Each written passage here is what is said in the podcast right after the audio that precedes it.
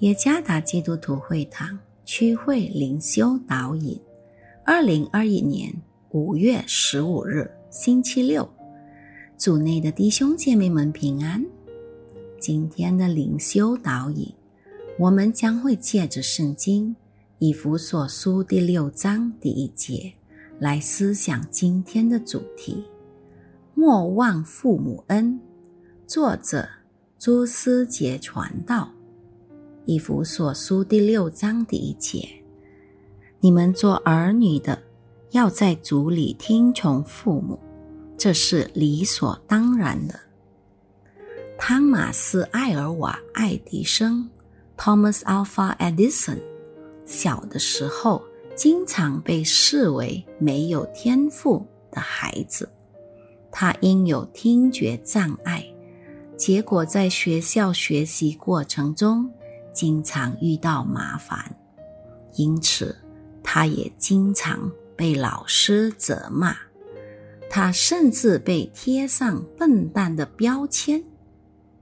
得知此事后，爱迪生的母亲南希·马修斯·艾略特 （Nancy Matthew Elliot） 毅然把孩子带回家，并用自己的方法在家里教导他。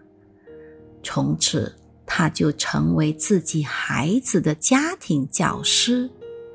他很有爱心的教导他，直到爱迪生长成为聪明伶俐的孩子。万万没有想到，这位被标签为笨蛋的孩子，竟然能成为电灯泡的发明家。每一个成功的孩子背后都会有杰出的父母在支撑着他们。意识到这个事实，上帝的话语教导儿女们要听从父母。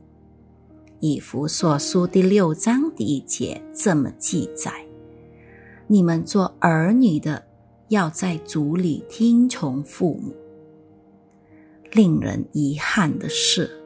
很多获得成功后的孩子们，却忘恩负义。但父母亲年纪老迈了，不但没好好照顾他们，反而把他们送进养老院。孩子们的回报与父母亲所付出的养育之恩，实在是不能相比。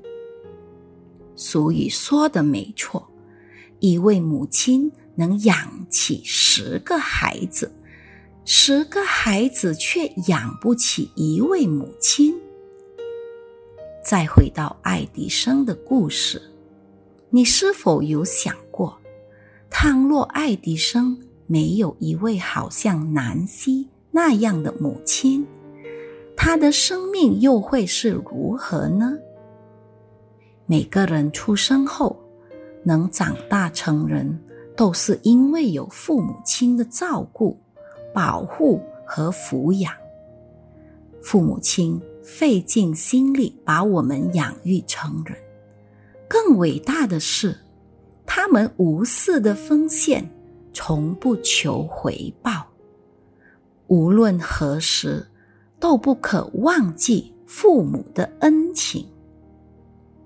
人生。莫忘父母恩，愿上帝赐福大家。